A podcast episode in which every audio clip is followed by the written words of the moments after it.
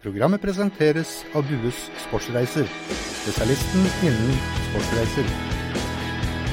Hei og velkommen til en ny runde med fotballradioen. Jesper, du har vært ute og reist eh, siden sist. Ja, jeg var i eh, Oslo først for å se Norge slå Aserbajdsjan. Det var sånn sett en positiv forestilling i forhold til mye av det vi har sett tidligere av Norges A-landslag. Men så dro vi til eh, Stuttgart og hadde håp og tro om i alle fall en god prestasjon. Men det som ble levert på Mercedes-Benz Arena, det var rett og slett pinlig, selv for oss som satt på tribunen. Tyskland kunne vel vunnet tosifra hvis de hadde gidda. Det var et motivert og tent eh, mannskap som hadde fått kritikk etter kampen sin eh, borte mot Tsjekkia. Da prøvde Joakim Løv ut litt nye formasjoner, litt nye spillere i, i noen uvante posisjoner. Da kom de da tilbake igjen til Tyskland og hadde bestemt seg for at nå skal vi gi Norge en leksjon i angrepsfotball, forsvarsspill. De var bedre i alle spillets faser. De kunne spille over Norge, under Norge, til høyre, til venstre. Det var rom over hele banen, og Norge var rett og slett uh, utrolig sjanseløse. Så det var et uh, An, auf, unter uh, som, og så videre, som VG skrev ja, og så videre. Hvordan var det å sitte der og, og kikke på, sånn at du, at du må le og smile litt etter hvert? Altså, for det første så er det jo Tyskland de møter som er verdens beste landslag. og Det er jo gøy å se et tysk maskineri spille opp mot sitt beste. Et par av de målene de skårer er jo ikke sånn det er mulig å skåre. Det er kun sånne mål du ser på Mosedmoen eller på Fifa. Da, ikke det? Fire i hvert fall på hodet. Ja, det, var det innlegget der til, fra, fra, Thomas Müller inn til Timo Wern og Hedda. Altså, det, det, er jo praktfullt. Vending av spill. Tony Cross spiller jo fotball med en pasningsfot som er rett og slett varmesøkende. Han kan slå den ballen med høyre og med venstre, med yttersida, med innsida. Kan slå han over hele banen. Han slår nesten aldri feil. Så det er jo selvfølgelig gøy å sitte og se på det tyske laget, men jeg skulle jo sette børs på dette norske laget. og eh, jeg har jo eh, for vane å sette en ærlig børs, og jeg bruker hele børsen. Enten så er det toppklasse, ellers er det rett og slett elendig. Det ble vel seks enere på børsen, og det var vel ikke en ener for lite i forhold til det som ble vist. Det er klart det er vanskelig å spille midtstopper og back sentral midtbane når laget ikke fungerer overhodet, men uh, det var en kollektiv svikt av samtlige. Rune Jarstein, Rune Almenning Jarstein, må jeg si, jeg får kjeft av faren hans hvis jeg sier noe annet. Han, uh, han var vel OK, og det sier litt at keeperen er OK når du taper med seks mål. Så det har jeg gjort. Endelig er jeg tilbake i Kristiansand. Har jo fått med meg at Start slo Jerv på eh, Levermyr. Og nå er det da en ekstremt spennende kamp på tirsdag hjemme mot Bodø-Glimt. Begynner vel å nærme seg en liten matchball hvis Start er heldig med resultatene i helga. Men mer om det siden. Vi har jo fått med oss eh, gjester. Ja, Ikke bare én, men to! To gjester. og Vi har jo eh, tenkt litt at det er mange som diskuterer norsk eh, fotball, også lokalt. Det har vært noen diskusjoner på Facebook der mange lokale har hevet seg på, bl.a. en av gjestene. og Vi tenkte vi må ha to gjester som, som vi kan ha en fotballdiskusjon eh, med. Om eh, norsk fotball, om talentutvikling og ting som er galt, og ting som kanskje også er bra. Ja, vi skal gi dere svarene på alt det dere lurer på. og Hvis noen i NFF hører denne podkasten, så kommer de til å ha lagt en mye bedre strategi og plan etter denne lille episoden. Han ene han har vært der utallige ganger før. Mannen som eh, ikke åpna denne sesongen kjempesterkt med sitt vindbjart, men som nå virkelig har fått litt mer trøkk i krydderet på Moseimoen. Steinar Skeie, hjertelig velkommen. Takk for det, Jesper Mathisen. Og eh, han andre vi har fått uh, som gjest her, han har vi snakka om flere ganger. Blant annet har Lars Jørgen Salvesen et veldig sterkt og godt forhold til denne karen. Han har stått bak spillere som Tobias Christensen, Jesper Daland. Han har verdens mest overlegne tatovering. Det står 'Hei' i den blanke isen. Rolf Sagen, velkommen. Hei, hei. Takk for det. Du må først og fremst forklare hvorfor i all verden du har tatovert 'Hei' på huet. Nei, det, det, er mange grunner til det. Jeg husker ikke alle, men, eh, for jeg var 15 eh, år siden. Men uh, en av grunnene var jo at jeg synes mange, når jeg begynte å barbere meg over på hodet, så syns jeg mange eldre så litt jeg synes det så farlig ut. Så da tenkte jeg det kunne være en god idé å ha. en annen ting er at når jeg gikk i Markens f.eks., så så jeg folk som jeg ikke hadde truffet siden barneskolen. Så tenkte jeg ja, de har ikke lyst til å hilse på meg, så jeg, jeg la merke til at jeg så vekk. Ja. Og da hadde jeg den som jeg kunne si hei til allikevel, eh, hvis jeg traff de på ekte side. Så, så, var det flere grunner, da. Men uh, mange tror at det var sånn i fylla eller et eller annet, men dette var veldig gjennomtenkt. Jeg venta til jeg var 30 år, fikk lyst til å ta tatovering, venta et halvt år til, og så gjorde jeg det. Og det jeg Men spørsmålet er jo om du angrer? Nei, det går greit. Jeg, akkurat nå så har jeg hatt den i, i 15 14 år, eller noe sånt, så nå har det ikke vært problem å ta den vekk. Men jeg, jeg vil heller ha den enn en døingshoden når jeg er 70 år. da, eller... Det... Men du fortelle litt om, eh, om eh, bakgrunnen din. Eh, populært kalt Roffe. Jeg kjenner deg ikke godt, men er det det folk kaller? Ja. Det vi skal omtale Det går greit. Det, med her. Eh, har spilt i Start. En sesong, eller halvannen sesong i start. Så jeg måtte operere ko- korsbånd etter, etter halvannen sesong. Eller, ja. Så det, det ble én sesong, ja. Og har hatt mannen som sitter ved siden av deg som eh, trener, Steinar Skeie. Steinar tok over Vigør når vi rykket opp til andredivisjon i, i 1995, og var trener der i tre år. Og Så var vi med litt i Start i, når jeg var der i 1998. På Så har du skåra mål for Start på Hødvoll. Ja, Fortell eh, kjapt om, eh, om dette målet. Var dette i debuten din? Nei, det var ikke debuten min, men det var, det var faktisk spesielt, for jeg ble eh, i, i, under, Før kampen så hadde vi jo hadde flere keepere. Sindre Gundersen, Rune Nilsen. Uh, Espen Johnsen og en, en annen god en, men fikk, flere av de var vekke. da, så uh, Erik spurte meg under spillmøtet. Roffe, jeg hører du er, mener du er god i mål. eh, Nei, nei, nei, ikke så god, men, eh, men jeg er bedre enn alle andre herrene, sa jeg. Så da var jeg bedre reservekeeper. Så da satt jeg i første omgang med eh, keeperdrakta, var ute i pausen, slang meg, så det var utrolig kult. Og så kom jeg innpå, da fikk jeg beskjed at jeg skulle inn på pausen. Og så da Men det er ikke som keeper. Nei, som spiller. Så jeg er en av få reservekeeper som har skåret i, i første divisjon, tror jeg. Og målet hvordan Målet det? var eh, et innlegg. Det var veldig Hvem slo innlegg, husker du? Nei, det kan være Morten Knutsen, faktisk. Jeg er usikker. Men det var veldig blaut bane på Fødvoll. eh, Så ballen kom forbi eh, standbeinet mitt, men så sklei jeg på det og skjøt ballen i mitt eget standbein og i mål. Og jeg En, en, en bue. ja, eh, forbi keeper. Jeg sto på streken og heada han kanskje bakover. Så jeg bare rista på hodet da jeg skåret mitt første mål i, og eneste mål i første divisjon. Hvordan følelse var det å skåre for Start? Nei, det, jeg kan ikke huske helt hvordan det var. Det var, men det var jo ikke noe gøy å skåre. Jeg liker å skåre gode mål. Jeg liker heller å stå i god pasning og ha spilt ut hele laget enn å skåre sånne drittmål. Men, eh, men det, var jo, det er jo gøy å skåre. Det var, jo, var vel kanskje 4-0-mål, jeg husker ikke helt. Men eh, ja. Hvordan spiller var han, Steinar? Eh, han var like spesiell som han er spesiell. Heldigvis så har vi noen sånne som Rolf. Han har masse meninger og hadde òg det som spiller, så han var på mange måter krevende. Men eh, jeg liker sånne typer som Rolf, og Rolf er en god spiller. Jeg, jeg vet og jeg husker når han skårte. Jeg var kjempestolt jeg, for å være trener natt sin. Og når jeg har vært trener for noen og de presterer bra andreplasser, så blir jeg stolt. Og jeg var stolt av Rolf. Og bare for å gi eh, Rolf enda mer introduksjon, så, eh, så fikk jeg Lars Jørgen, da, som er en av de som setter Roffe aller høyest her på denne jord, til å skrive en eh, liten tekst om hvem er Roffe.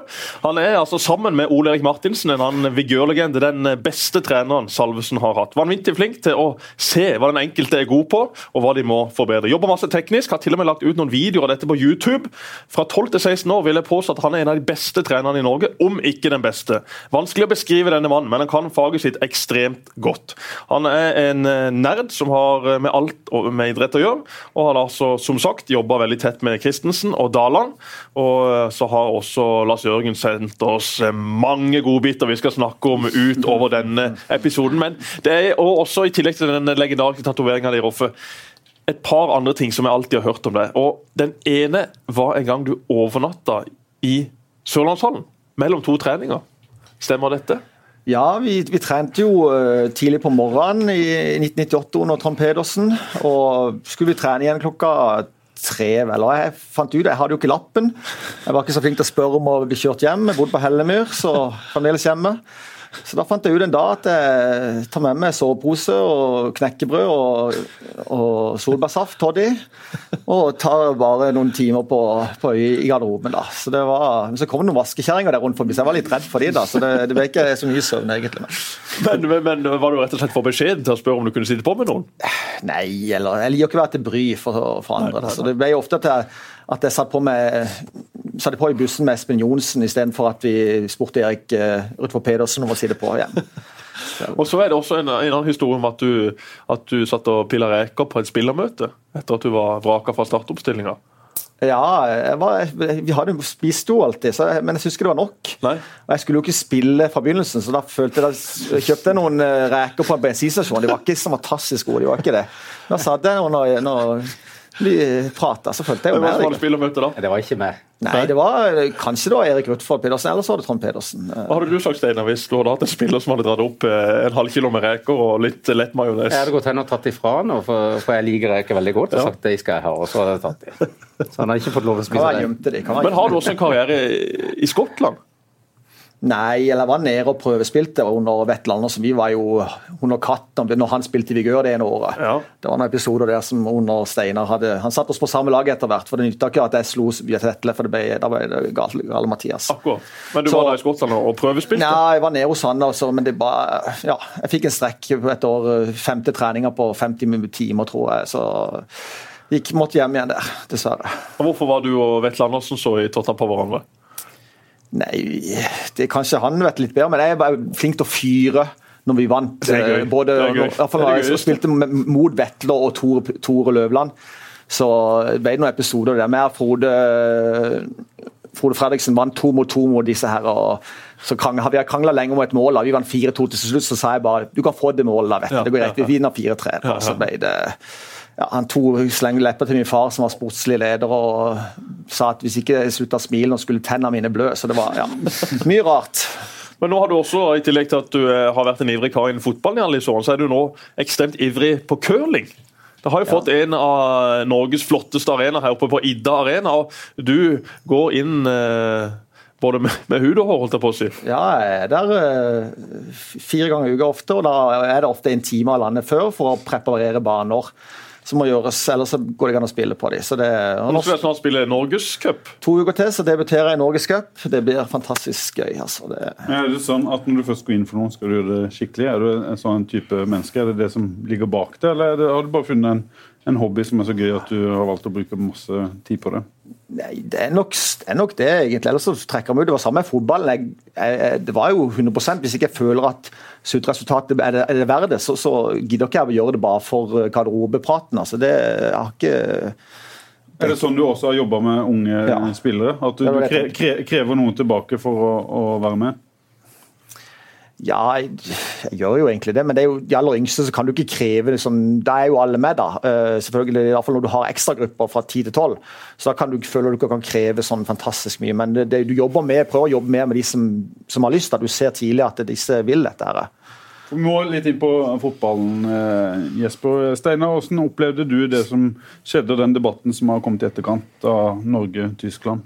Den er jo populistisk. Altså, verdens beste lag slår Norge 6-0, og det var ikke det eneste laget de hadde slått 6-0. For de var, som eh, Jesper sa, de hadde fått masse kritikk, kritikk i forkant pga. den kampen de hadde hatt mot eh, Tsjekkoslovakia, var det det? Ja.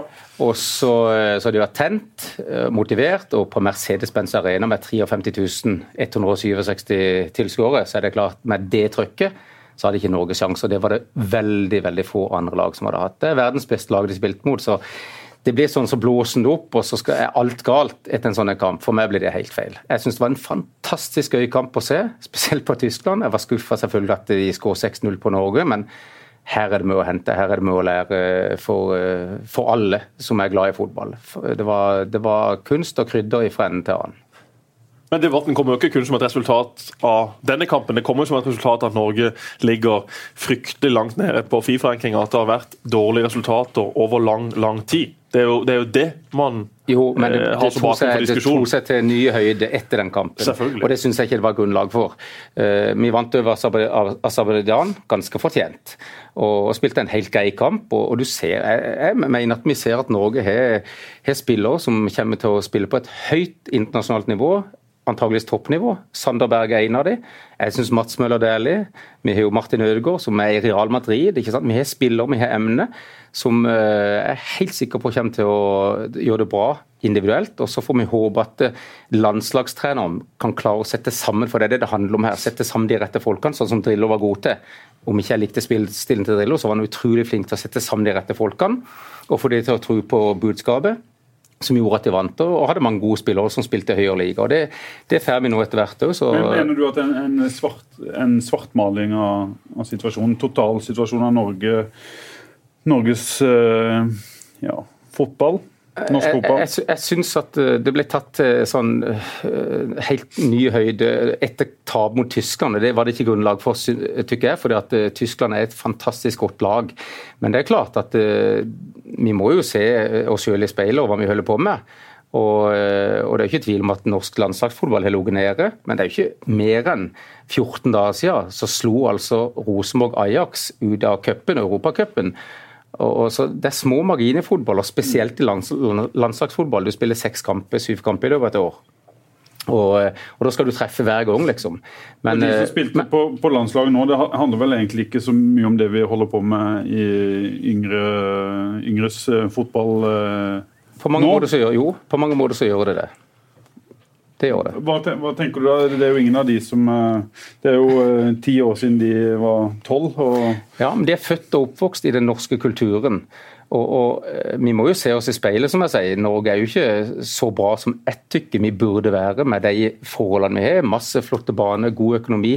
Alt ligger egentlig til rette for at vi skal kunne få et veldig godt landslag. Så mange som prater om at ja, vi er bare fire, fem millioner. For meg så er det svar, da. Uh, Tyskland er 80 millioner. Ja, selvfølgelig så er det flere å velge mellom.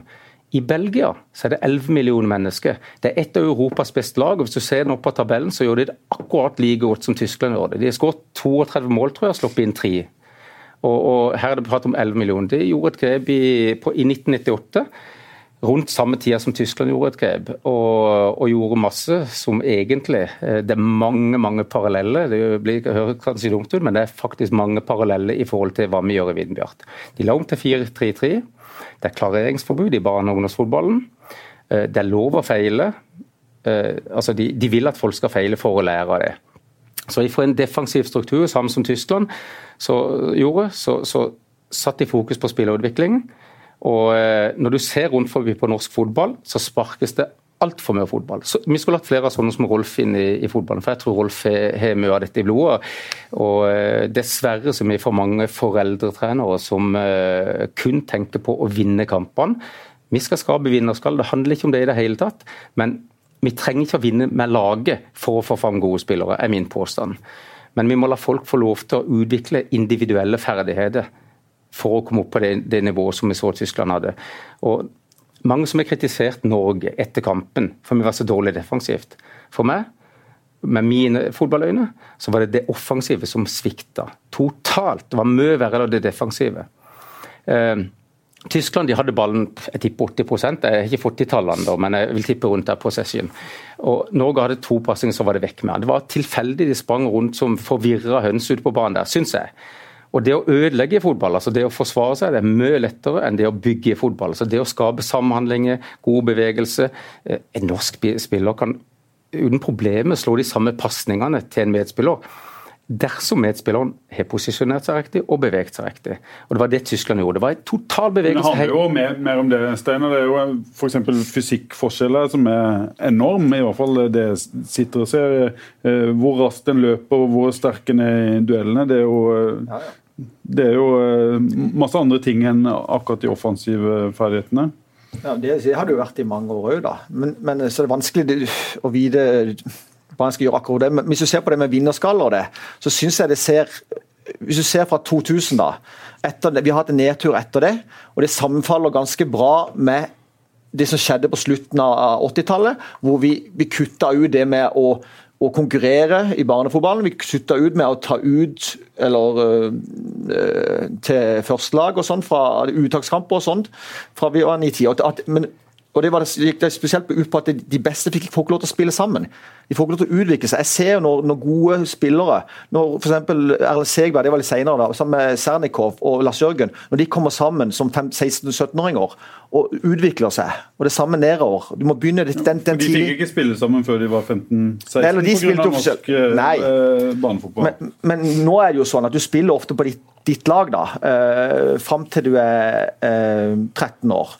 Uh, hvis du har ekstratreninger, som jeg begynte med, uh, så, så, så jeg da at de kom sammen fra flere lag som var gode. De hadde de samme interessene, og de, de, de utvikla hverandre. da. Uh, Finnes det løsninger på dette sånn norsk fotball er organisert i dag? Vi kan ikke gå tilbake igjen helt til sånn som det var før. men, men, men Eh, vi har noen verdier og virkemidler i barnefotball. Det er et hefte som, som, hvis alle klubbene går inn og ser litt mer og tar ut det, det, viktigste derifra, så kan du være mye flinkere til det. Sånn som dere i Hjemle 12. Der er mer at Istedenfor bare å ha smålag, så er dere sammen og, og, og differensierer en del. Mm. Uh, det er en god grunn, men da bør det jo være sånn hvis det er 20 stykker, da, at du har åtte som alltid er på den beste gruppa, åtte som alltid er på den dårlige, og, og da fire som rullerer, eller seks som rullerer, og på mange du er da, fra mm. begge gruppene. Så du får, Men Savner du det konkurranseaspektet i banefotballen? Skulle du gjerne sett det gjeninnført uh, igjen? Jeg tror det er, det er usikkert hvordan vi får det til, men du kan gjøre det på andre måter. I alle fall. du, kan, du kan ha resultater. Hvis, hvis du er åtte, åtte lag i en turnering, så del inn for deg sjøl, den som styrer da, to grupper på fire lag spiller du det, og så, så, sier du på forhånd at vi skal ha fem kamper. De to siste er differensiert ut ifra nivå.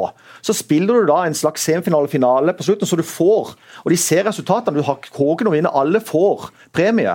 Men da får du iallfall matching. og da ser de på, Du har resultater uten tabeller, og du får en, en matching med de beste på slutten. Istedenfor bare å spille tre kamper og så ja, gå hjem. Så gå hjem. Du, også, men i fall de, de beste må få lov til å trene mer sammen og utvikle seg i, i fra veldig tidlig alder. Og det er en ting. Eh, jeg kjenner en på det andre, andre. Du har jo en, skole og så en annen skole. Mm. De gjør det samme. De trener sammen veldig bra, har jevne lag, som egentlig NFF sier. Hvis du har flere enn ett lag, så skal du ha ganske jevne. Men problemet er jo at, det, at du har fire stykker som, som trener utrolig ivrige, og de klart beste, men når det kommer til kamp, så skal de spille på hvert sitt lag. Mm. De får aldri spille sammen. Og selv om han faren er en far, han, dette går veldig greit, men jeg ser jo dette, de, de, de, de tar jo fire-fem år på dette. Mm. Så da bør en kanskje se ok, vi skal ha jevne lag. Kanskje vi, ha, vi må skrive opp resultater på vårsesongen, så når høsten kommer, så kan vi heller si ok, nå tapte tapte vi 7-0. Da lar vi de spille der. Og så lar vi heller de Der vant de 8-0. Da lar vi de dårlige spille den kampen. Så de får eh, matching mot ja, sitt eget uh, og, og får lov å spille sammen. Uh, Eh, I tillegg til å differensiere i turneringer. Nå spiller vi like, like serien, men så kommer vi til den turneringa. Der har du nivå 1 og nivå 2 og nivå 3. Da, vi, da deler vi ut fra nivå, men så prøver vi hele tida å la de Vi skal ikke bare la de være for seg selv de dårligste. De skal, de, må, noen av de bedre må av og til være med der for, for at de kampene blir gode for de òg. Men hvem skal bestemme dette? Nå har vi foreldretrenere overalt. og Det her er jo åpenbart et minefeil. Der, eh, minefelt der en, hvis en gjør en feil, så blir det jo Eh, bråk eh, blant eh, foreldre. Men skal klare å organisere noe sånt som dette, som jo er spennende tanker. Altså, det, er jo, det, er jo, treneren som på en måte tar ut laget. Det er treneren som uh, setter opp hvem som skal spille hvor og osv. Det, det er sånn det er i norsk skole. Foreldretreneren. Jeg tror Rolf er helt rett. Det er ikke problemet med tabeller i det hele tatt. Det er ikke problem for ungene. Men problemet er at trenerne ofte de er mest opptatt av tabellene, hvordan den ser ut på slutten. Ergo så er de opptatt av å vinne, og så ekskludere det. Vi kan ikke ekskludere 8-10-12-åring i norsk fotball. Det er helt umulig. Men differensiering Du må være kløkt i det. Derfor jeg sier sånn folk som Rolf. Han klarer det sannsynligvis mye bedre enn de fleste andre, men det er en kunst. Det er en kunst å, å tilrettelegge for de beste uten å ekskludere de som ikke er så gode. Vi har jo dette med hospitering, for det er jo ikke tvil om annet at hvis de gode skal bli gode, så, må de få utfordringer i forhold til at de ligger helt der oppe og må kjempe for å lykkes. Ja, men da kan du av og til, eller permanent, kjøre de opp et nivå. Det er jo en mulighet å gjøre det. Så det, det, er, det er, mange aspekter med dette, her, men, men problemet i mitt hode er at det er altfor mange ufaglærte foreldretrenere som stender på sida og tror de er verdens beste trenere uten egentlig å ha peiling i det hele tatt, og spesielt på hvordan de skal behandle unge. Finnes det noen eh, quick fix, eh, Jesper? Må det, skrives en ny bok om eh, norsk fotball, hvordan vi gjør ting, eller skal vi bare skolere trenere bedre og håpe på det beste og tro at ting endrer seg? Det er vel skrevet nok bøker fra både NFF og andre de siste uh, ti årene om hvordan dette skal fungere. Det handler om å få det ut i praksis. Jeg synes Det er veldig interessant å høre på Steinar og Rolf, som, som uh, har stått i eller som står i dette. Jeg har jo bare vært der for 20, år siden sjøl. Som disse. Det, det, jeg husker når Norge tapte for England, var det vel på, på Wembley for eh, tre-fire år siden. Jeg var inne og, og snakka med Viggo Strømme, som tok opp mange av de samme tingene. Snakka om fysikk i norsk fotball, og jeg snakka med Sem, som sa at ja, det var fornuftige tanker. Eh, men jeg savner på en måte at noen eh, tar diskusjonene ut av et, eh, et eh, fagmiljø og så gjør noe med det i praksis. Gjør du det, eller, eh, eller skjer det ting som vi ikke har kontroll på? Nei, altså, For å ta disse tingene som, som vi nå har vært innom, dette med differensiering er jo veldig fan. Jeg husker jo bare meg sjøl at det kom til et punkt i Gimletroll hvor jeg så på de rundt meg og tenkte gode kompiser, men nå må jeg videre, for, for disse vil ikke så mye som jeg vil. var det var... du som tenkte det, eller var det din far? Nei, det var meg. Ja, ja selvfølgelig. Garantert påvirka han da, på forskjellig vis. Men, men, da var det liksom, det var viktig for meg å spille med kompisene mine.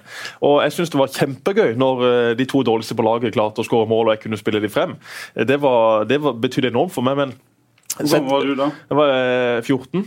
Eh, eh, sett tilbake så skulle jeg nok gått enda tidligere for å spille sammen med noen på mitt eget nivå. Som kunne trigga meg, som kunne gjort at jeg hadde kommet enda litt bedre forberedt til trening. Så jeg hadde øvd enda litt mer på skuddteknikk, det å løpe raskere, det å løpe mer osv. Men i Gimletroll så ble det veldig håper jeg, jeg trente jo dagen lang, men det ble på en måte også veldig bedagelig på treningene. For selv om jeg hadde spist eh, 99 komper eh, en halvtime før, så, ha, så, kunne jeg likevel eh, vinne den treninga helt på egen hånd. Mm. Og det var jo ikke sånn at eh, da jeg gikk på Fagerholt skole og vi skulle sette opp Hakkebakkeskogen på, på, eh, på, scenen, at, at jeg fikk spille eh, Morten Skogmus fordi at jeg hadde lyst. Det var jo de beste som fikk lov til å spille det. Jeg ble plassert ned i et kor og, og sto der og sa minst mulig. for jeg kunne det jo ikke. Og Sånn mener jeg det må være på en fotballbane også. Nei, du skal aldri ekskludere, men du må iallfall finne en vei som gjør at enerne, eller toerne eller treerne kan eh, trene, spille sammen med de andre på ditt nivå. For Hvis ikke, så, så, så sovner du hen. Da blir det for bedagelig. Da, da føler du at jøss, ja, King Kong er så mye bedre enn alle andre. Men du er jo ikke det hvis du bare leter fram de største og råeste talentene i en by. Og ja, det er veldig få av de som er best når de er ti som er best når de er 20, men min påstand Du kan iallfall se hvem som aldri blir gode. Og jeg tror jo også at de som er gode når de er 10, 11, 12, og som du ser har den rette innstillinga, den rette holdninga, og kanskje noe ekstra talent, at ja, om ikke du treffer 100 av 100, så skal iallfall et trent øye treffe veldig mye bedre enn å si at ja, men det er umulig å se hvem som blir gode om ti år til. Det er det jo ikke. Hvorfor at, at en ser kanskje Eh, i en gruppe på 20, så, så vet en at det er blant disse ti det blir en toppspiller, ikke blant de ti andre? Vi kan synes så mye om det, men, men, hvis en går på de som er 20 nå Vi har jo en, en generasjon uh, født i 1997 mm. som vi har egentlig veldig mange uh, som har kommet et stykke. Mm. Da tenker du på her lokalt? Ja, lokalt. Ja. Så det, det, er jo, det, er ikke, det, er jo ikke det nivået vi ønsker å være. Vi, må ha det enda lenger opp. Men hvis du ser av de som er født i 1997, da, som er, er kommende vei, som enda har muligheten, så har du Erlend Segberg. Mm. Han som 11-åring så hadde han, spilte han som sentral midtbane på Start, som er kretsmester. De han, var, han har vært på landslaget som 11-åring hvis det hadde vært landslag. Mm. Uh, du har Mathias Rasmussen, som er født veldig seint på året, i november uh, eh, 97. Han hadde òg vært på landslaget. Han, var, han spilte én klasse opp mot Lars Jørgen og de, som var født i 96, og han var topp tre. Før han var tolv år, så hadde han spilt i G13-klassen og var topp tre der. Mm. i, i, den, i, den, det nivået. Og du har Julen Ryerson, som er født samtidig, så å si. Han var òg nærheten av landslaget. Du har Sigurdsen, Lasse kanskje en av de beste spissene i, i klassen over. Mm. Uh, Vikne så jeg ikke før han var 13, uh, eh, men han holdt nesten samme nivået. Jeg tror det var Lars Jørgen var jo han var, han var nok ikke landslagsspiller, men han var som gutt- og tolv-spiller så var han uh, best her nede. Han hadde det altfor lett i syverfotball på 60 meters baner. Så kunne han få ball bruke tid, trengte ikke å se bak seg og dempe han. og, og, og jeg, jeg, så jo det, når vi begynte å spille elver, så sleit han. Banen er så stor, sier de. Men banen på syver, for de som er 60 meter, hvis du har én til to spillere som ikke er for det er klasselag, så de bare står på sida og ser på. Så det er egentlig fire mot fire på 60 meters bane. Mm. Så, så, de banene på syverfotballen det er perfekt for å, å, å skape fem femtedivisjonsspillere sånn som det. Men det du mener det at uh, i hvert fall blant de 11-åringene som du, du, kjenner, så gikk det an å se Nei, blant de som er født i 97, så gikk det an å se allerede når de var 11 år, eh, litt hvem som, uh, hvem som kanskje har potensial til å bli toppspillere. Ja, for Hvis du bli en offensiv spiller, så ser du det. Tobias Christensen, Mikael Ugland, uh, Jesper Daland de beste tiåringene jeg har sett. Fantastisk gode. De spilte allerede da, iallfall i 11 så spilte de elverfotball. Derfor jeg ler jeg litt sånn, selv om jeg vet ikke om denne nierfotballen er, god eller ikke. Men jeg ser på de. De spilte fast på elverfotball når de var elleve år. tre år før nå. Det gjorde Ødegaard, det gjør uh, Samuelsen. Og de har jo, jeg synes de har, Det er ikke teknikken det er problemet der, syns jeg. da. Uh, men Mener du vi er litt på villspor? De prøver å finne ting som er ja, Når vi, vi sier at det er umulig blant en gruppe på tiåringer å se hvem som vil bli best, og de tingene der, mener du det er et villspor? Ja, det mener jeg. Hvis du har peiling, så ser du det i hvert fall de offensive. Du har alltid noen defensive spillere som, som får hodet sitt etterpå, som blir hurtighet og sånn. Men de offensive tror jeg, som går på kreativitet og, og teknikk, det ser du veldig tidlig. Jeg snakka med Holger Hott, tidligere verdensmester i orientering. Som, eh, som, har en sønn som er like gammel som min, som spiller fotball. Han sier hvorfor skal fotballen ha et motto flest mulig, lengst mulig? Det skulle vært et motto som norsk idrett hadde, sier han. Er ikke det et fornuftig innspill? Er det noe poeng at alle skal begynne å spille fotball, Steinar?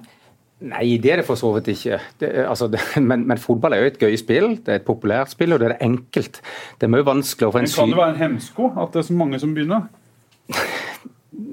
Jeg vet ikke, det, det, vet jeg ikke. Men jeg, jeg, jeg tykker at de aller fleste klubbene i Norge de er en mye større misjon enn å skape toppspillere.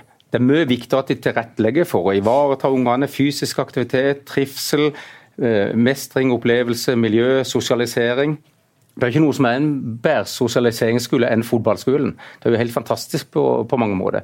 Så Vi må ikke glemme det oppi det hele. At, Men må en ta et valg? Det er jo det som er spørsmålet. Det, det, er jo en kjempegod verdi i seg selv. Det er vel alle som sitter her er enig i at, at det, den sosiale delen av fotballen og måten den fungerer på, er jo fantastisk. Det er masse unger i aktivitet. Men eh, klarer en å få til det og en, en, et fokus på å utvikle gode nok fotballspillere til å ta opp kampen mot Tyskland. Det er jo der ja, Mitt svar er et ubetinga ja. Selvfølgelig så klarer vi det. Vi, vi, vi, kan ikke tenke noe annet i norsk fotball enn at vi skal klare det. Men det betyr jo da at du må være kløktig, du må være dyktig, du må være med klokskap og kompetanse på hvordan du skal tilrettelegge for mengden for de som ikke blir så gode. Er det ikke det som er sånn eh, te teori i praksis? Eller teori? Er, er det, Nei, altså, min tanke når du sier det, er at okay. det er utrolig lett å si og fint å, å, å si, men jeg tror ikke det går an. Jeg skal, skal være konkret. Ja. Jeg, jeg tykker Vindbjart er en mønsterklubb på mange måter. Har blitt det. Masse dyktige folk. Vi har en IFO, idrettsfritidsordning, med ca. 100 unge. Det er frivillig. De eh, spiller fotball hver eneste dag og øver fotball med Daniel Aase som øverste sjef og fem-seks av spillerne på A-laget som kan masse og har kompetanse på både å behandle unge Sånn snakker jo alle breddeklubber på Nei, Agder. Det er ikke sånn. At vi driver så bra, vi gjør det Nei. så bra. Det, men det gjør det ikke. Jeg det, det, han er enig, du er enig med det. Men, men, du sa det jo for fem og ti år siden så sa du jo at Vindberg drev bra. Selv om det har forandra mye. og Jeg tror jo nå det er på vei. Men det, du, alle sier det hele tida. Alle er positive om det de holder, som de holder på. Ja. Det men, som, men, men, fortelle hva vi gjør da. Eh, så får vi et hull etter de er ferdig med IFO. Så har vi etablert et akademi, som vi kaller jeg synes det er litt for uh, fiffent begrep, men det er iallfall det vi kaller det. Der er jo Daniel Aase øverste sjef, han kan fotball. Og det er fokus på ferdighetsutvikling. Mm. Da har vi dekka fra seks-syv år og så opp til de er, du at det Daniel Aase gjør er bra for norsk fotball? Nå får vi svaret på det, da. Ja, vi, vi, har allerede et svar nå. Daniel Johansen som er 17 år, han spiller fast på med, eller har spilt ganske mange kamper i andredivisjon. Debuterte da han var 14 i andredivisjon. Så det kommer til å komme eh, Akademiet er ganske ferskt, det starta med i januar, for det var et hull der. Og så har vi et hull på ungdomsskole opp til videregående. Eh, og så har vi videregående, og der er jo flere spillere, både som gjenger og eh, som har gått der, og som gjenger der per i dag. Og Da kommer vi til det neste punktet, innholdet i det vi holder på med. Det er derfor jeg sier innholdet Jeg prøver å være bak ryggen på Daniel og, og, og være der. For hvis, innhold, hvis innholdet blir feil, så kan du trene hvor mye du vil. Jeg sprang masse på heia. Mm. Hadde jeg brukt like mange timer som jeg brukte på heia med førstemottaket, så hadde jeg blitt kanongod på førstemottaket. Og jeg får litt fnatt, for å være helt ærlig. Så får jeg ganske mye fnatt når jeg spør mine spillere hva de har gjort på KKG i dag. Jo, de har hatt langkjøring på heia. Altså Her bruker de to timer på å springe på heia, når de kan øve første mottak. De kan øve pasninger, de kan øve headinger, og så skal de springe på heia. the time, sier jeg da. Så innholdet i norsk fotball og igjen så er vi tilbake til foreldretrenerne, som egentlig ikke har kompetanse på dette. her. Da sier jeg bare at la de spille mest mulig med få spillere på hvert lag, så, så er det iallfall en viss form for kvalitetssikring. Men det er klart at skal du bli god til noe, så vet jo alle at du må øve i tusenvis av timer. Det er ikke meg som har gjort Daniel Aase god. Ja, vi er tilrettelagt i Vindbjart, de tilrettelegger i Start, for at vi skal utvikle hans sine ferdigheter. Han gjorde det på gutterommet. Og alle de som virkelig har, eh, virkelig har sånn gode individuelle ferdigheter, de har øvd tusenvis av timer på å utvikle de ferdighetene. Men Når har dere lykkes i Vindbjart? Er det når dere har klart å utvikle toppspillere, eller når dere har klart å få ungene til å til å trives? Er det sånn at, vi, vi, vi lykkes på, altså det er på to plan, i alle fall. Vi skal det sies at Dere har vært flinke på å utvikle toppspillere. Kanskje den flinkeste klubben ved siden av Vigør, som til, eh, ja, Roff, har vært i. Det, det, er noe med Vigør og Vindbjart som gjør at spillere har utvikla seg til å bli toppspillere. Det er det ikke tvil om. Jeg, jeg vet om hva som har skjedd i Vindbjart, jeg vet ikke helt hva som har skjedd i Vigør, men jeg er sikker på at det har skjedd masse bra der. Jeg er helt sikker på det òg, at det går an å si ja takk, begge deler. Uh, og, eh, og, det er vel ikke først og fremst fordi dere har vært gode i barne- og ungdomsfotballen? Det er vel det at du har henta talenter som du har klart å utvikle på A-lagsnivå? Per, per, nå så er det det. Men i, per i dag så er vi altså fire seniorlag. Det er ingen som slutter i Vindbjart lenger. Fordi at ekskluderinga er nesten vekk. De skal ha minimum én omgang spilletid når de er i kamptroppen. Det betyr, det betyr ikke at de beste ikke skal spille mer. De kan gjerne spille full, en full kamp, for det er jo ofte de som er de ivrigste, de som er best. Men det betyr at alle skal føle seg inkludert, og da får det én omgang spilletid. Og så hospiterer vi opp der vi føler det er riktig. Eh, og det at vi har på en måte eh, Ja, vi er stolt av det òg. Vi har fem spillere i dagens startstall eh, som vi har henta fra andre klubber, bl.a. Navigør, men som vi har videreutvikla. Og det er ikke tilfeldig. Det er ikke tilfeldig at de er kommet til Vindbjart og tatt steget videre. Det er garantert den filosofien med i forhold til hvordan vi skal spille. Og møte der borti ballen, den tryggheten. Det er jo en Altså det er jo en, en, både pedagogisk, det er en psykologisk og en fagmessig utfordring å være trener. ikke sant? Du, du, du, du må kunne faget ditt.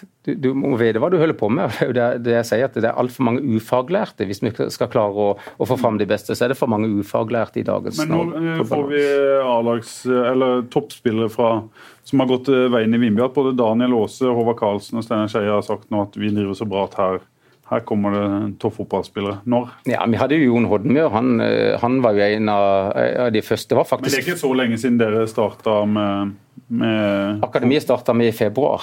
Så det tar jo noen år før du får, på en måte får fram de spillerne uh, som, som vi tror er potensial. Da. Og I Vindbjart er det sånn at de kan velge nivå. Ja, så slenger som egentlig ikke kan bli noe særlig gode. Eh, og så er de med allikevel der de trener fire ganger i uka. Helt greit. altså Det kan de få lov til. Og jeg er litt sånn eh, Det som Rolf sier, at man kan se hvem som blir gode. Ja, til dels enig, men forskning viser at det er ikke alltid einerne som blir de beste barnestjernene. Det er ofte de som er to og tre som må kjempe for å komme opp.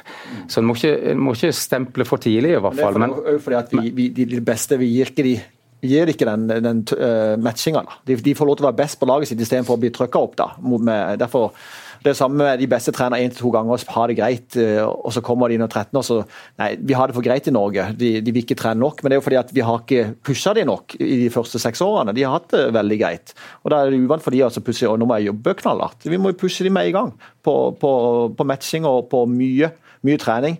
Fellestrening er sånn skjellsord nesten blitt nå, men det er jo du kan gjøre, det er bare at du skal møte opp samtidig og holde på ting. Du trenger ikke være kø bare for det er fellestrening. Du kan gjøre vanvittig mye i økta på alt mulig rart, men du, du, må ha en Før i tida så tror jeg kanskje du kunne uh, finne opp kruttet på nytt, Myggen og disse her. Men nå tror jeg du må begynne enda tidligere. Du må ha noen til å hjelpe deg til å lage en grunnmur uh, teknisk og, og, taktisk, og så kan du bygge videre på den. For nå har fotballen utvikla seg. og det, Derfor sliter vi litt mer enn uh, en del andre idretter, hvor langrenn, sykling og sånne ting, hvor du trenger ikke å begynne før du er i ungdommestida, og ligger det blir bra. I fotball så blir det pressa lenger og lenger ned, tror jeg. da. Ja, aldri... det er jo noe, for Du kan godt si at det er idiotisk av elevene på KKV å løpe i heia, men når en spiller er 15-16-17 år, så er det ofte for seint til å se hvor god kan du bli. For den motoriske gullalderen langt tidligere enn det. og Det er derfor jeg mener hvis man skal få fram spillere som er enormt gode, ja, så må de ha kjempepåvirkning allerede fra de er fem, seks, syv år gamle. Dere har mye mer erfaring fra barnefotballen enn meg, men i mitt tilfelle da, så har det påvirkning hjemmefra. Hver eneste dag, hver eneste økt, som ble diskutert før, under og etter økta. Og ja, fra jeg var 15-16, så gjorde jeg enormt med ting som jeg ikke burde ha gjort. Jeg burde hatt mye mer fokus f.eks. på dette med fysisk trening. Ikke bare uh, levd på at jeg var stor og hadde en enorm teknikk og hadde et enormt uh, skuddbein osv., men faktisk fokusert på de tingene som jeg ikke var god på. Men det var ingen som fortalte meg det. Det var ingen som fortalte meg det. Gimle Troll, det var ingenting som fortalte meg det i start, og det var ingen hjemme som fortalte meg det. A lot can happen in three years, like a chatbot may be your new best friend. But what won't change? Needing health insurance. United Healthcare Tri Term Medical Plans, underwritten by Golden Rule Insurance Company, offer flexible, budget friendly coverage that lasts nearly three years in some states. Learn more at uh1.com. For sånn var det ikke på 70- 80-tallet. Da var det et helt annet fokus. Det stiltes helt andre krav til hva det gjør i dag. Og Derfor må det jo inn og påvirkes fra mye tidligere alder. Og det må være folk som også forstår hva som må til. Starts eh, unggutter som har kommet opp nå, som har prøvd å komme gjennom de siste årene, det har ikke vært i nærheten. Og Grunnen til det er at de vil ikke nok. De ofrer ikke nok, de trener ikke nok. Det er altfor mange andre ting de heller vil bruke tida si på. De går altså inn på styrkerommet på Sparebanken Sør Arena med en mobiltelefon i hånda.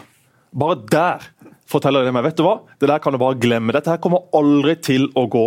Fordi at det er så kult og så tøft å få på seg en Start treningsstress og gå rundt på KKG, Akademiet, Tangen, you name it, hva slags skole som helst, og tro at nå er vi i mål. Det er jo da jobben begynner. Det nytter jo ikke å tro at fordi du har kommet opp i Start 2 eller hatt ei A-trening eller hatt et par A-kamper, at jøss, nå er jeg der. Det er jo da det begynner. Og det er ingen og det kan jeg si, det er ingen utenom Kristoffer Ayer og Mathias Rasmussen som jeg virkelig har sett det i øynene på. Lars Jørgen Salvesen har begynt å nærme seg der nå de siste årene, men også han altfor sløv i begynnelsen.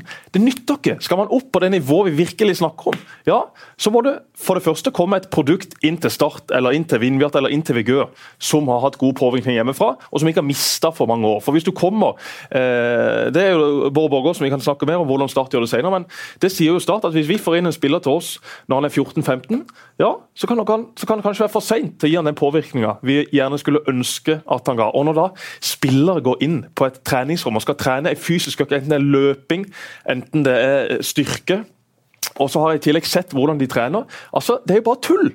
De er der inne i én time, og nøkkelkortet registrerer når du går og når du kommer inn. Ja, fint det, men hva har du gjort i den timen? Det samme er jo på feltet, men på feltet så blir du ofte sett av en trener. Men når disse gutta skal trene på egen hånd, om det er i skauen, om det er på styrkerommet, om det er på Spikeren eller på Sparebanken Arena, det er jo den eh, jobben som må gjøres 100% og Det ser du også på de norske spillerne som møter tyske atleter. Altså, Vi er jo pusekatter. Ja, Martin Ødegaard, Mats Møller Dæhlie, alle disse. De har jo fantastisk teknikk. Men hvor er maskinene som vi hadde under Drillo? Da var Norge helt fremme på dette som gikk på fysisk trening, både med tanke på eh, styrke, med tanke på løpskraft. Vi er jo ikke i nærheten. Vi blir jo løpt i sirkler rundt. og Vi har teknikk på enkelte spillere som kan slå pasning som kan slå innlegg osv. Ja, vi har mye å gå på der også, men det som virkelig er utfordringa, er jo hvor står vi fysisk i forhold til de aller beste? Vi er ikke i nærheten. Jeg er ikke helt sikker på om den påstanden er sann, da. det som du sier. Om fysikk? Eh, nei, jeg er ikke sikker på det. Hvis du tar tester, O2-tester f.eks., eller laktattester på norske og utenlandske spillere, så tror jeg ikke det skiller så mye. Det tror ikke jeg heller, men nei. det er ikke det det handler om i, ja, men, i fotball først og fremst. Nei, men, det er å løpe mest. Jeg sier den påstanden som han kommer med. Ja, men Lars Martin Engedal løper også mye for Don 2 i femtedivisjon, men det er jo i hva slags tempo kan du løpe i, og hva slags tempo kan du løpe med ball. Og hva kan du utføre mens du løper. Det handler vel også men, om, om, om, eh, hvordan kropp du har til å stå imot i, i dueller? og ja, men altså, altså, altså, Rent fysisk så tror jeg ikke norske spillere er så langt dette. Jeg tror faktisk, jeg tror noen, uh, han Berge han er antageligvis mye sterkere, eller mange av de tyskerne. Mer duellsterk til og med òg. Uh, han, han Müller han er jo ikke spesielt duellsterk, men han er smart. Og Det er det som jeg tror uh, utgjør den store forskjellen.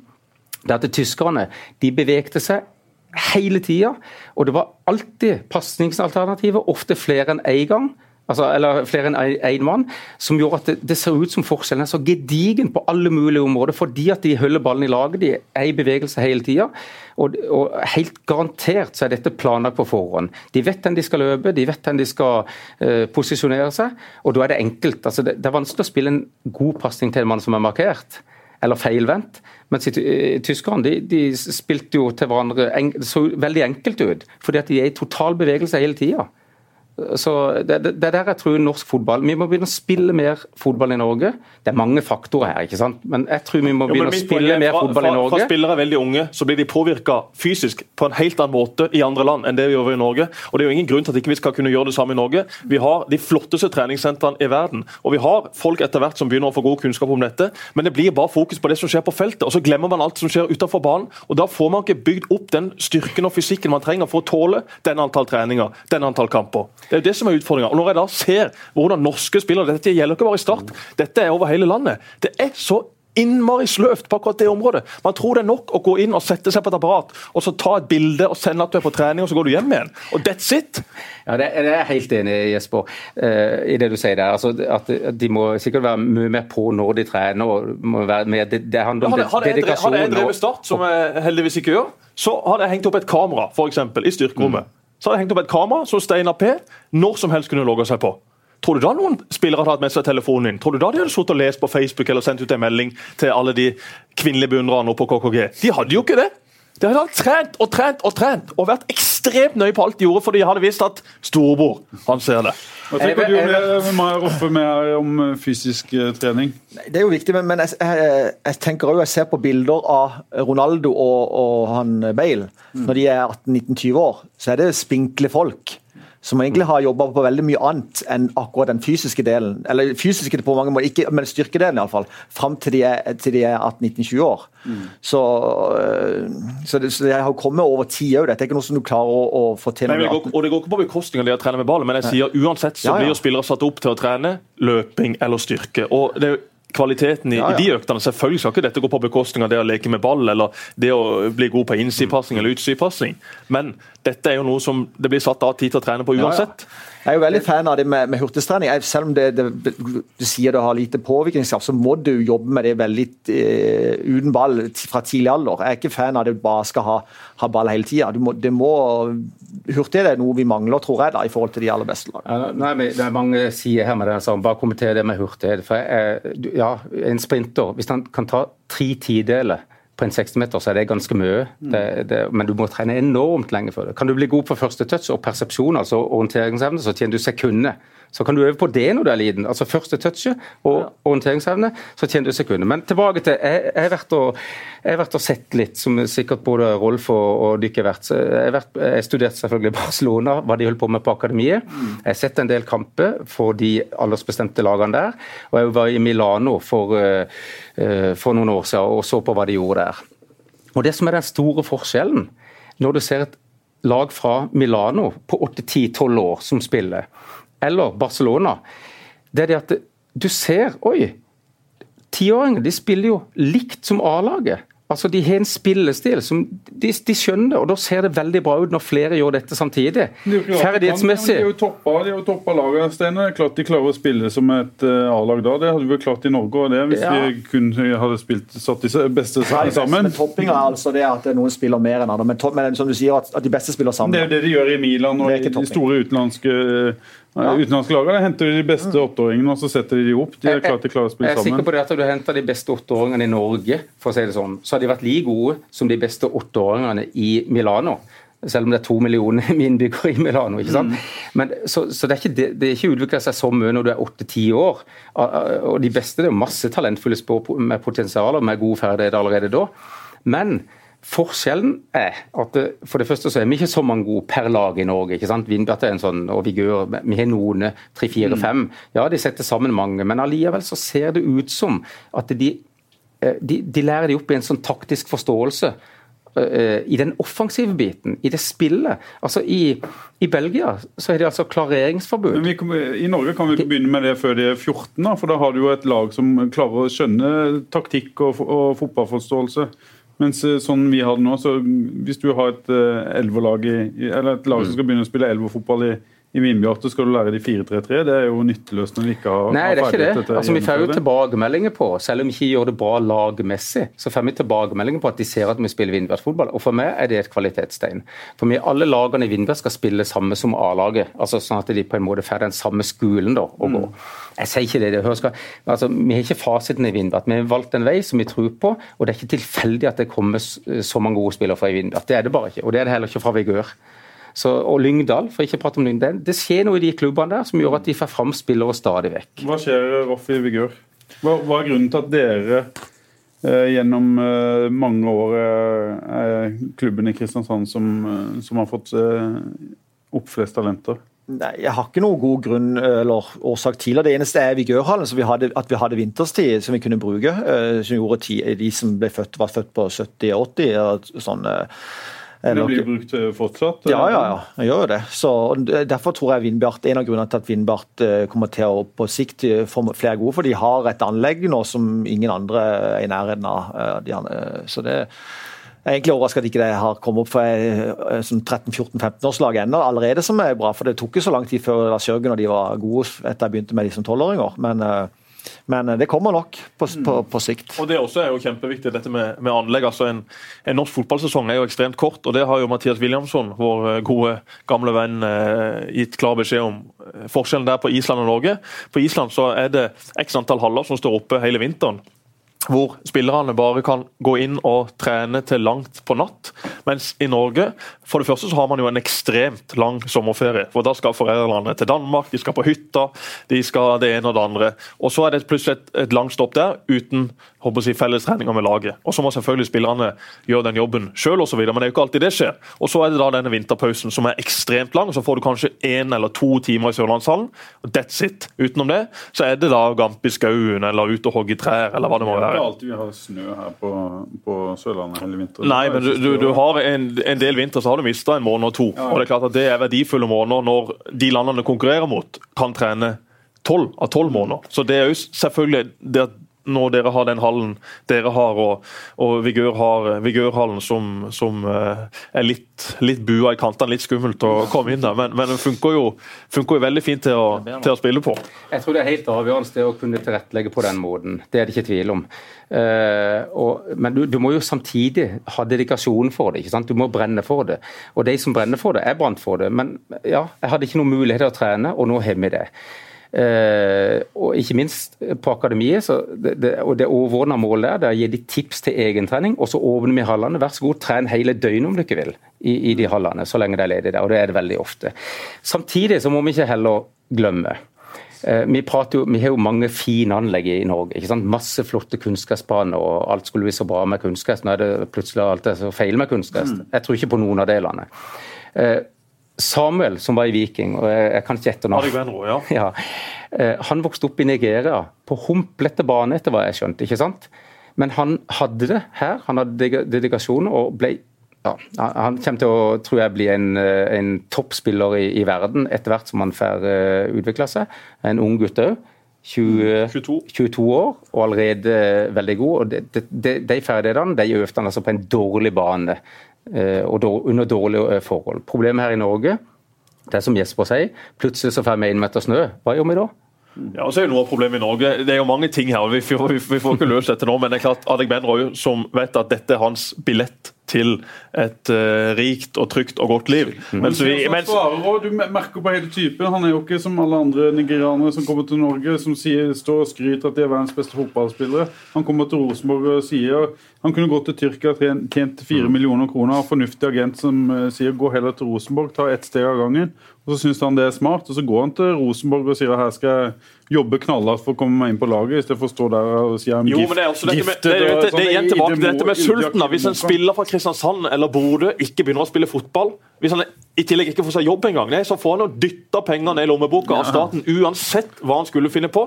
Om det er en totalt ubrukelig fyr som gir F i alt og alle, ja, så kommer det jo penger fra et eller annet sted uansett. Så det er jo ikke så farlig for norske spillere å mislykkes. Det er derfor du må finne de som virkelig har den sulten. Mm. Jo, men, men, vi har jo, i forhold til folk som lykkes i langrenn i, i håndball, damer og, og, herrer og andre, de har jo sulten. Og, for, og i fotball, iallfall på herresida, så er det, det flest av store idrettstalenter som velger fotball.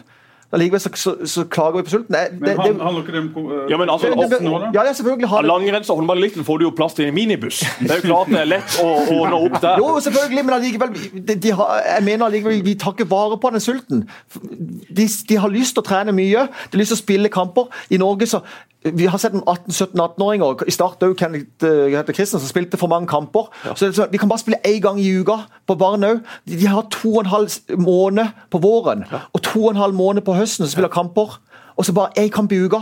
Vi ser, vi, Martin Samuelsen, spesielt Tobias Christensen og disse her, de har spilt mye mer kamper. Ja. Men det er noen som vil høre, noe som NFF vil gjøre noe. Nei, dette passer ikke inn i NFF, så dette lar vi ligge. Én ja. gang i uka maks, og så trener vi. Hva trener vi?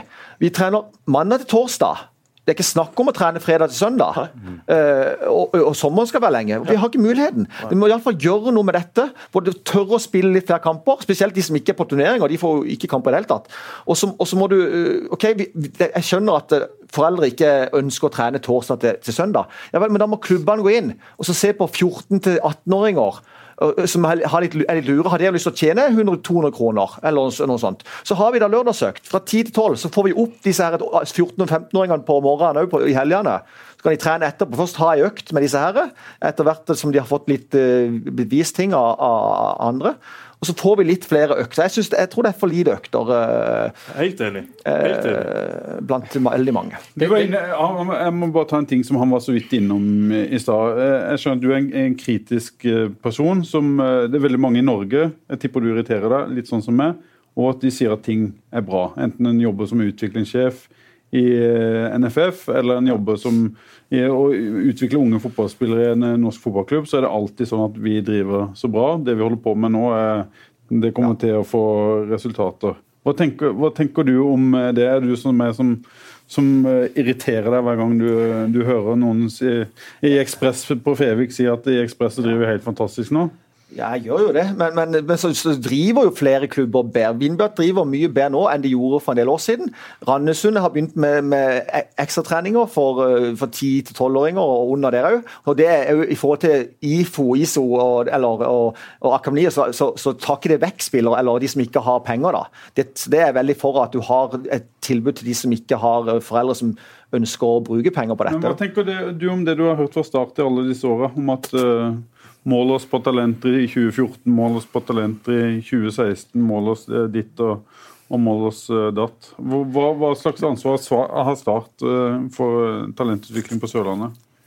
Jeg vet ikke, Det er vanskelig å si. De har, det har jo alltid vært en lineklubb i forhold til for Viking og sånn som har veldig mange andre lag. så har Start vært en lineklubb og vært veldig avhengig av jobben som er blitt gjort i de andre klubbene. Uh, men jeg ser jo sant, Det kommer jo spillere veldig mange inn. Av de som kommer fra 12 til 14-15 år i Start, har forsvunnet uh, helt ut av, fotballen igjen. Uh, men Rolf, dette har jo du klare tanker om. Hva, hva, altså, hva gjøres fra ditt ståsted, hva gjøres galt i Start med tanke på at de ikke får forvalta dette til, til noe mer enn det det faktisk blir? Det er vanskelig å si. Jeg tror jo, Hovedproblemet er at spillerne har ikke vært gode nok. Når de har fått inn gode nok spillere, så har de jo fått, fått, de, fått de opp. Og så, jo, så må de jo se på hvilke spillere å ta inn. Det er greit at du skal, du skal inn og, og, og, spille sammen og trene sammen, men når de tar inn en, en Våger, øh, han er vel Dahl, øh, som er, spiller sentralt på Våg på trinnet opp som 13-åring, og er veldig sentral, har, er den en av sjefene der. og så kommer han til start, og så blir han litt mer, litt mer passiv back i flere år det, det, det, tror jeg ikke er bra for, for, for Start. Hvis Start får inn spillere som får en sentral rolle i sin klubb, uh, på sitt lag, så, så, tror jeg det kan være bra. Jeg mener jo uh, disse her uh, Vindberg-spillerne, som Jon og han, han 17-åringen. Daniel Johansen. Ja. Uh, de, er gode spillere, men jeg tror de har hatt enda bedre nytte i forhold til henne mentalt. Og, og, og, brukt tida si på å være, spille sentralt på, på sin lag, på midtbanen, og styre skuta, istedenfor selv om det er mye bra på, på scenetrening, så blir du når du kommer opp som 14-15-åring, så blir du en pasningsspiller. som spiller ballen til de gode, og så er det de som gjør det meste. Så du blir litt, du får ikke den der vinnerskallen sjøl. Du, du, må være på ditt lag òg. Men når bør starten til spillere? Bør det avhenge av spilletype, eller bør vente? Ja, det, det, avhenger av spillertypen. Det er, det er vanskelig å si. Altså, jobben, Hovedproblemet er det som er blitt gjort fram til, fram til de går til start. Vi må, vi må jo se på det og, ta vare på de som er litt, litt høyere og større, som litt keitete. Hvis de bare jobber med det tekniske, så blir de kanskje de der eh, monstrene bak i forsvaret. Sånn. For vært, De siste årene har vært litt, mer, fokus, litt for mye fokus på de, de, de små tekniske. Men, men, men, jobben må gjøres ned. Vi må trene mer og, og være øh, De beste må få lov til å trene sammen, de beste må få lov til å spille sammen sammen. Og Det går på trivsel. Vi snakker om trivsel og mestring her. Hvis du bare har klasselag eller jevne lag, så, så, så er det ikke trivsel for de dårlige. det, er ikke å spille på nivå 1 når du egentlig hører til på nivå 3, men fordi klassen er så god. Så er ikke det, Du får ikke mestring, du får ikke trivsel. Jeg ser nå noen, du, du er ti, De har holdt på i fire år i Randesund, så får de et par nye nå. Det blir ikke gøy for de å spille på det laget hvis de spiller på nivå 1. Så Derfor må vi, vi, må, vi må differensiere i, i, i, eh, Du kan kanskje ha jevne lag, men så må det være et, et ekstra lag for de beste. Og et, kanskje et, eh, et nivå tre-lag for de mindre gode, så de føler mestring. Og det, Så må vi ha noen i klubbene som styrer dette mye mer. da. Jeg, du, du, du, er, du, er, god kompis med Ole Erik Martinsen, som også ja. er en uh, legende i Vigør. og Det er ikke noe hemmelighet at Vigør og dere som har vært involvert i Vigør, ikke har hatt noe sånn kjempeforhold til Start, og ikke alltid har syntes at det Start gjør er så helt fantastisk. Hva bør Start gjøre annerledes i forhold til hva de gjør i dag? Hva har de burde gjort for, i forhold til det de har gjort? Dette har jo dere diskutert, og nå er vi bare på radio, så her er det bare å øse på. Skal vi bli bedre, så må vi ha fram de gode meningene i lyset. Det er ikke nødvendigvis det. er jeg, jeg, jeg liker jo ikke at jeg får høre spillere som kommer at Hvorfor, hvorfor vil de ha, foreldrene i Start ha, ha, ha telefonnummer til min mor? når han er 13 år. fordi at de, de, akkurat det laget trenger en keeper for at de skal, sønnene sine skal gjøre det veldig bra. Ja. Så det er selvfølgelig ikke bra. Men, men at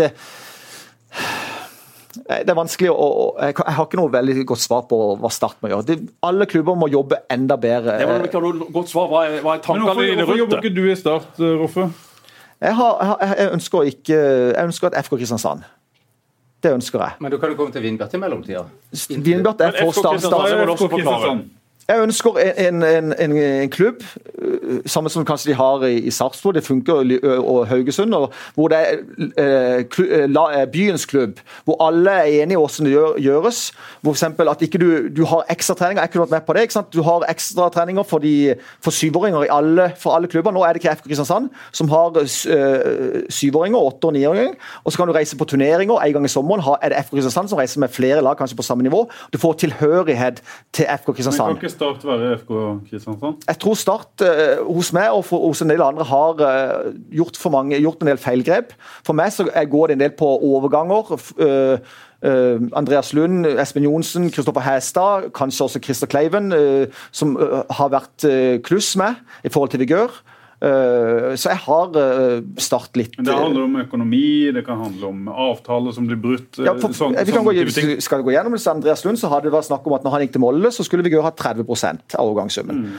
Og Så gikk han da til Wimbledon, og da mente da Start at ikke Vigør skulle ha noe av det. For overgangssummen var bare den, det var ikke den og det, det var egentlig Vigør klar på å gi seg, men så tok min far og prata med Gunnar Martin Kjenner, og så, så ble det kluss. og etter hvert så ga Start seg det. Ja. Og, og sånn er det for flere. Ja, ja. Det, og det og jeg tror Start, på, på det økonomiske òg, så er det mange som har Det skal ikke så mye til for Start. Uh, uh, nei, oh, nå gidder jeg ikke det igjen. Og hvis du får Kristiansand, hvor, hvor, både de kanskje nå i Søgne, hvis det blir mm. Stor-Kristiansand, og Randesund og alle hvis det, FK Kristiansand, at vi, det, det, det er mitt, mitt lag, mm. og alle klubbene er, er med i det, så tror jeg det blir ekstra folk på tribunen og blir positivitet. da. Så jeg, jeg vil, eh, Og at FK Kristiansand ikke har noe områdelag. For når jeg spiller Evelin og spiller mot Start, så er det det fienden. Det er jo som mm. Tottenham Arsenal, ikke sant? egentlig. Du, du får, ja, og FK Kristiansand snakker du om altså Vigør, Start, Søgne, Randesund, alle inn i ei Ja, det blir jo Start som blir, det blir den klubben, da. Men det blir uh, alle er enige om hvordan det skal gjøres, og vi jobber sammen. Start har noen ekstra uh, spillutviklere som er de holder til i, i, i Start, men de er ute i, i eller FK Kristiansand, så er de ute i, i klubbene. Og at vi blir enige om hvordan det skal gjøres, og jobber mer sammen, da. Ja. Jeg syns ikke den tanken er noe sånn uh, skremmende i seg sjøl å lage en ny klubb, men samtidig så er det Start som er klubben. Og uh, klubb nummer én, det er flaggskipet på Sørland, det er det ikke tvil om. At det har skjedd mange negative ting opp gjennom historien, det er du ikke tvil om. Det nevner du jo opp i fleng, og det er sikkert flere, fler saker òg. Men jeg, jeg syns man må legge dette bak seg nå. Det er den nye Start, du er en Even Øge i Bransdal, som er en brobygger av dimensjoner. Det, det er nye folk inne. En klubb den på en måte preges av hvem som jobber i klubben. Nå er det fantastiske folk ja. med et kjempeforhold. Sagt, vi har lyst til at du skal jobbe med 12-16-åringer. Hva har du sagt da? Jeg har sagt at jeg har lyst til å jobbe med de som er enda litt yngre, men så hadde jeg jo sagt, så hadde jeg jo sagt uh, trukket fram det som vi begynner med her. Hva er det du begynner med når du skal representere meg? At det er en litt særing og sånn. Jeg hadde sagt at det, det skjer ikke i IK Start. Det eneste, eneste grunnen hvis det skulle skje i IK Start, så er det at IK Start hadde prøvd å gå, fått Kristiansand, mm. FK Kristiansand, og så sett det, de andre klubbene står på sitt. Og ikke gidder å styre, da, da hadde jeg sett OK, det, da, har jeg fått prøvd. Det måtte vært noen nye tanker som de presenterte? da? Ja, jeg, jeg, Even Øgrei og, og, alle disse er fantastiske. Det har ingenting med person å gjøre. Det er bare for meg, så jeg har det med klubb å gjøre. Men, og, det, og, og, det, er en grunn til at jeg, at jeg ikke trener. Klubben bestemmer jo av personer, Rolf. ikke sant? Og det er noen personer opp igjennom som har gjort noen feilgrep. Ikke sant? Men ja. de personene er sannsynligvis ikke der lenger. nå. Nei, nei, nei. Det er nye personer, nye lodder. Nå ja. syns jeg vi som Eh, altså fotballelskere og, som har lyst til å få god, fram gode fotballspillere, må backe opp om det som skjer i Start. Masse positivitet. og De kommer sikkert til å gjøre feil igjen. Det er ikke tvil om.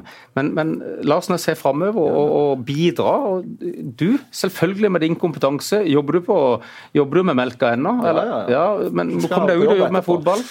Ja, For meg akkurat nå så er det to muligheter. Enten må jeg reise opp til Otra, og, og, og det er nærme Høgås òg, kan gå på ski og holde på der. og så få samarbeid med noen. Jeg, jeg orker ikke å se holde på med 12-13-åringer, og så skal, nå skal jeg der. og Det har litt med det at jeg skal til Vågen og skal til Start ønsker å, Ellers må jeg begynne med dame, men, men, damefotball. Rolf, Rolf Vindbjart, eh, Høgås, det ligger i Vennesla.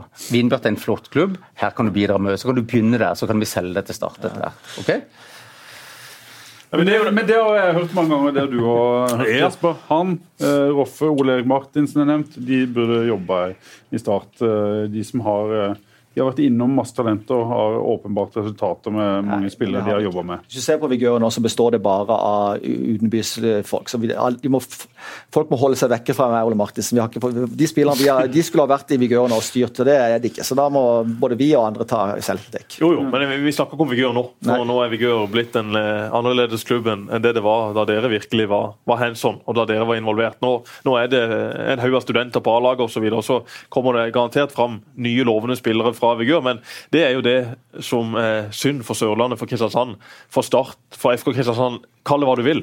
At ikke alle de gode kreftene her i byen faktisk er forent om det samme. Du fikk jo et lite eksempel på det. da. Jo, men jeg, jeg, jeg, kan, for, jeg, kan, forstå, kan, forstå, kan forstå det Roffe sier, når han, blitt, mm. når han og Vigør har blitt dårlig behandla opp igjennom. Mm. Og så er jeg også helt enig med det Steinar sier, at det er nye koster og nye mennesker og nye tanker nå. Mm. Men det er klart en sånn historie som går for klubb, det har jo verdenshistorien og fotballhistorien vist oss at det er ikke bare å svelge. Det, det sitter i, og det er noe som har såra de som har vært involvert, og de som har stått rundt, og dette har blitt snakka om. og dette har har si, bygd seg opp når man har, når man har sittet enten hjemme eller på puben eller på, mm. på, på fotballbanen og snakka om dette. Så, så, jeg kan godt forstå at, at, det er vanskelig å svelge, men, men jeg er jo helt sikker på at hvis man hadde fått disse kreftene sammen og sier jo noe om hans eh, ja, men altså, har jeg, har aldri vært, jeg har aldri vært involvert i, i Vigør på noen som helst måte, annet enn at vi pleide å reise opp til Hellemyr og slå dem.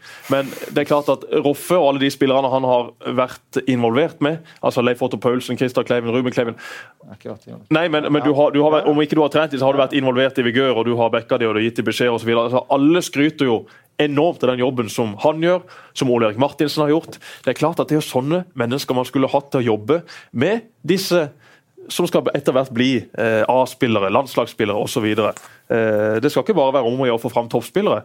For som vi også var innom i sted, fotballen har et mye større ansvar enn som så.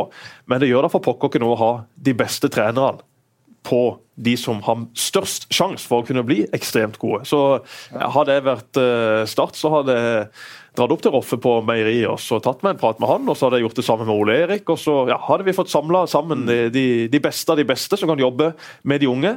For det er jo det Start har som en unik mulighet. Å ta hånd om Sørlandet og virkelig bruke det som en fabrikk til å få fram spillere.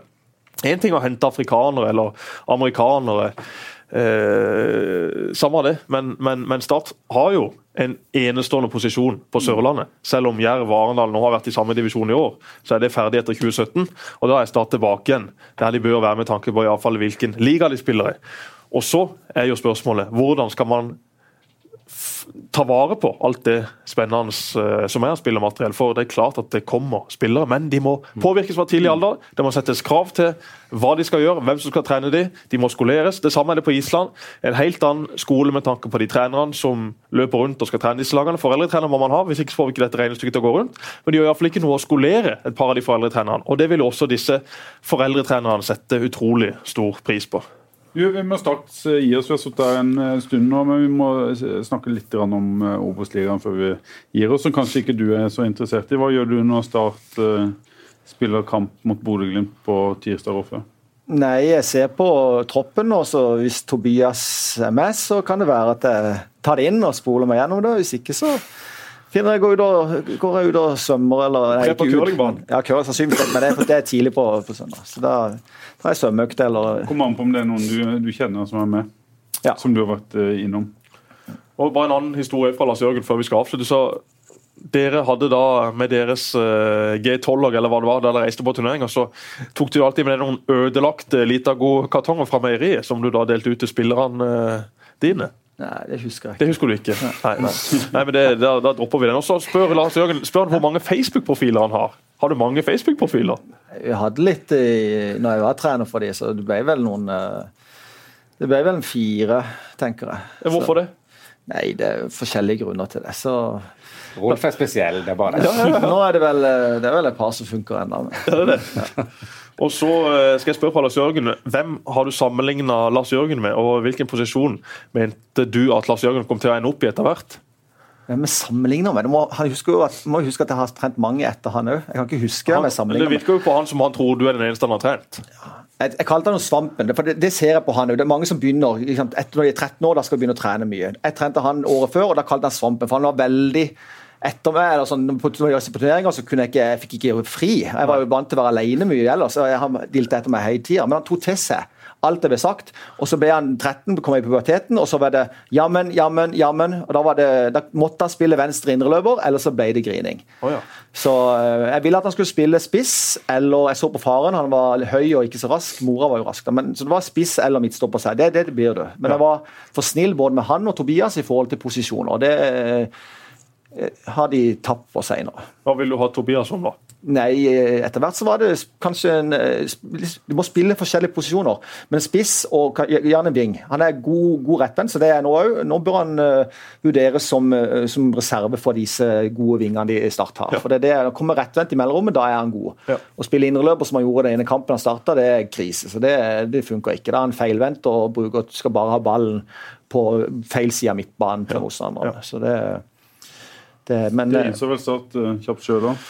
Ja, det er jo sånn at Tobias på det nivået, i alle fall nå, er klart best fremover. Og hvis han skal jobbe toveis, så, så er ikke det hans styrke slik han er som spiller nå. Men offensivt, altså i noen av de Start 2-kampene jeg har sett Tobias i år Jeg var innom det i stad at Ayer og Rasmussen er de to eneste jeg har sett i øynene på, men Tobias er jo faktisk også en av de som jeg har hatt stor tro på, og som jeg har stor tro på. Han har noe med seg som vesen, som spiller. Han gir F, for å si det rett ut. Han har ikke respekt for noen. Og så er det alltid noen trenere som sikkert vil si at ja, det er en svakhet, men for meg er det bare en stor styrke. Det er jo sånne folk som virkelig har dette hva skal jeg si, sinnet i seg når de spiller. De har den energien og den eh, stoltheten og den ærgjerrigheten som skal til. Så Tobias er ekstremt spennende. hva tror du om eh, Tobias Christensen, du som kjenner han? Mange har jo sett han allerede i år. Burde han spilt mer år, eller har han det godt nå med å, å måtte kjempe seg inn på et statlag startlag i Obos-ligaen? Jeg har ikke pratet noe med han, men jeg regner med at ikke han er superfornøyd, selv om han har spilt mye. for Sånn er han som person. Han vil spille hele tida. Men eh, så han, eh, han kan ikke Jeg syns han bør spille veldig mange år her uten å, eller, uten å få spille. Bør, bør han bli leid ut. Men eh, Nei, Det er vanskelig å si. Han må, han må ta tak i, i ting i, i spillet. så Han må bli flinkere til, å, til å, å observere det som skjer foran. Hvor er rommene foran? Han er all, veldig sånn, eh, ballsøkende. eh, og så må han være inne i feltet og, og, og være involvert i mål. da. Mm. Så det er, det er noe jeg angrer mest på med Tobias. at jeg, jeg prøvde å jobbe mye med de tingene som jeg sjøl var dårlig på. i forhold til han, men, men jeg, var for, jeg begynte for seint med, med å fokusere på ting som jeg var god på. Med, med det å gå på de rette løpene og, og være inne i boksen der. Så det, det ser jeg på at jeg burde hatt fokus på enda tidligere. for han. Da hadde han ikke vært i start nå, da, hvis han hadde vært like god som meg på de tingene. Vi, to, vi må ha to ord om, eh, om eh, det som skjer resten av sesongen. Steinar, innspurten av Obos-ligaen, eh, klarer Start dette?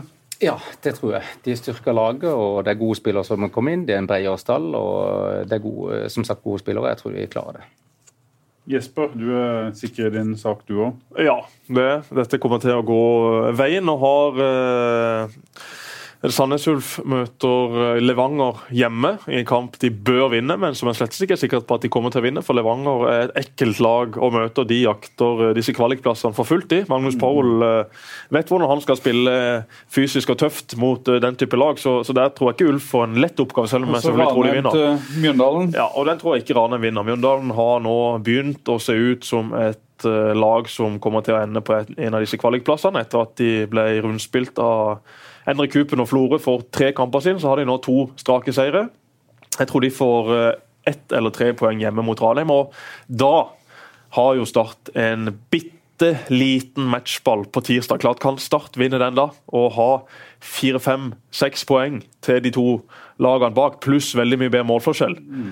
da begynner ting å se veldig lyst ut. Også, så har de et kampprogram. Eh, når en ser på kampprogrammet, så har Start et eh, lettere kampprogram, i hvert fall enn en eh, Ranheim. Ja, og har Ranheim på hjemmebane, og har brukt sommervinduet godt med tanke på de spillerne de har henta inn. Det er blitt brukt noen millioner kroner, men det har jo vært et kalkulert regnestykke, det, som sier at nå nå skal vi i alle fall sikre dette opprykket. og Dette er også spillere som Start kan ha bruk for neste sesong. I alle fall alle utenom Steffen Lie Skålevik, som eh, det gjenstår å se hva som skjer med. Og Jeg kommer rett fra starttrening. Kan fortelle det at uh, Damien Lowe han blir drilla som midtstopper som Simon Larsen og Adnan Hatzic, som mange har etterlyst. Uh, ser ut til å gå inn på på midtbanen sammen med Gummi Kristiansson og uh, denne amerikaneren uh, og Brian. Uh, var Sernikov ute, da? Sernikov var ute, og det er kanskje naturlig etter å ha vært god i mange kamper. Men, men det blir det for ubalansert? Det er mange som gjør Kristiansson ut av, av laget. Blir det for lite balanse uten han?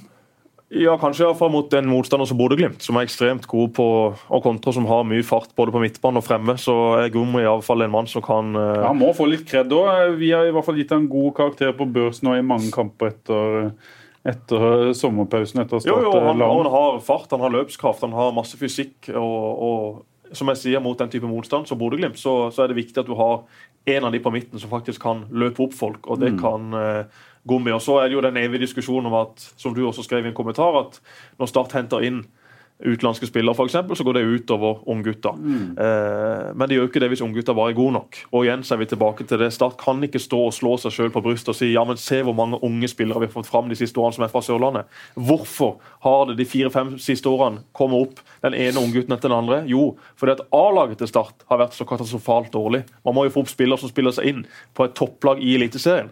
Og det er bare opp til disse unggutta å gjøre. Enig, men samtidig så må det jo skje noe på veien her. En, eh, hvis en mener at Erlend Segberg er en talentfull spiller som kan spille Eliteserien, eller Tobias Christensen er det, så må de jo få sjansen til å, å kjenne på nivået nå. da. Det mener jeg. Med å hente en O'Brien, så, så skyver du Segberg litt eh, fra deg. Jeg tror ikke han eh, jeg tror ikke han føler at han kanskje er så verdsatt som han var før. Uh, Nei, men så er det jo enda, Hvis han nå blir satt på benken og ikke er i nærheten av å få spille, ja, så må jo spørsmålet stilles ja, har du da bruk for Erlend Segberg på den sentrale midtbanen for Start i 2018, når Start forhåpentligvis skal kjempe på øvre halvdel i Eliteserien. Mm. Det er jo der kravene må stilles. Ja. Så det er jo egentlig bare opp til samtlige ungguttene som er i Start nå, og som er på vei opp. Ja, det blir selvfølgelig stilt så nye krav, for det kommer inn. Håper jeg ikke de blir i Start og surner. At de, som du sa, hvorfor heller blir leid ut, eller la de gå til Jerv eller til en uh, annen klubb på et litt lavere nivå, så kan de heller komme tilbake når de er gode nok. Der har Start vært,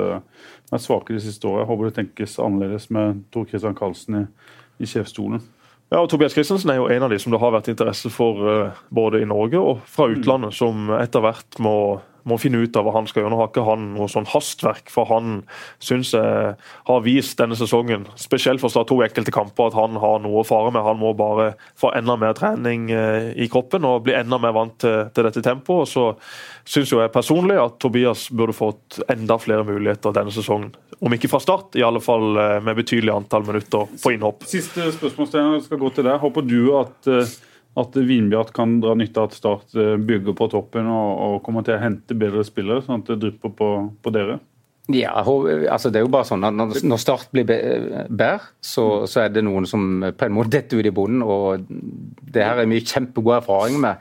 Altså, igjen Du er mye på starttrening, er det litt sånn taktisk òg? Nei, eh, jeg har jo fem spillere som har vært i Vindbjart, som, som er der. og hadde, Fem, sa han, og så viste han eh, ti ja, timer. Det blir, blir ti, men, men eh, så er det en del som hospiterer, ikke sant. Og, og, I forrige uke så var det noen som hospiterte, og hadde keeperen der på mandag. og sånn, Så vi har et bra forhold til starter. Men jeg må jo gi en liten honnør til Jerv.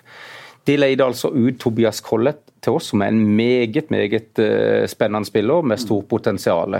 Fordi at han har vært skada og de har henta inn nye spillere, så får ikke han den spilletida og erfaringa som skal. Så leide han ut til oss.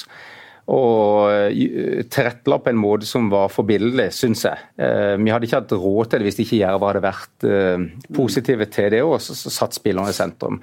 Så det er sånn vinn-vinn. Dessverre, da, så så, så, så brakk han beinet, så vi fikk ikke så mye nytte av han. Men holdninga til Jerv i den settinga der, den, den, er noe som andre òg bør se på. Ja.